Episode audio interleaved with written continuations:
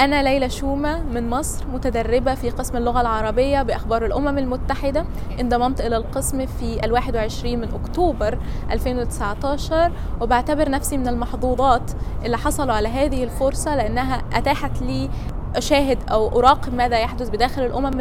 المتحدة وأتعرف على ما يحدث بداخل مقر الأمم المتحدة في نيويورك.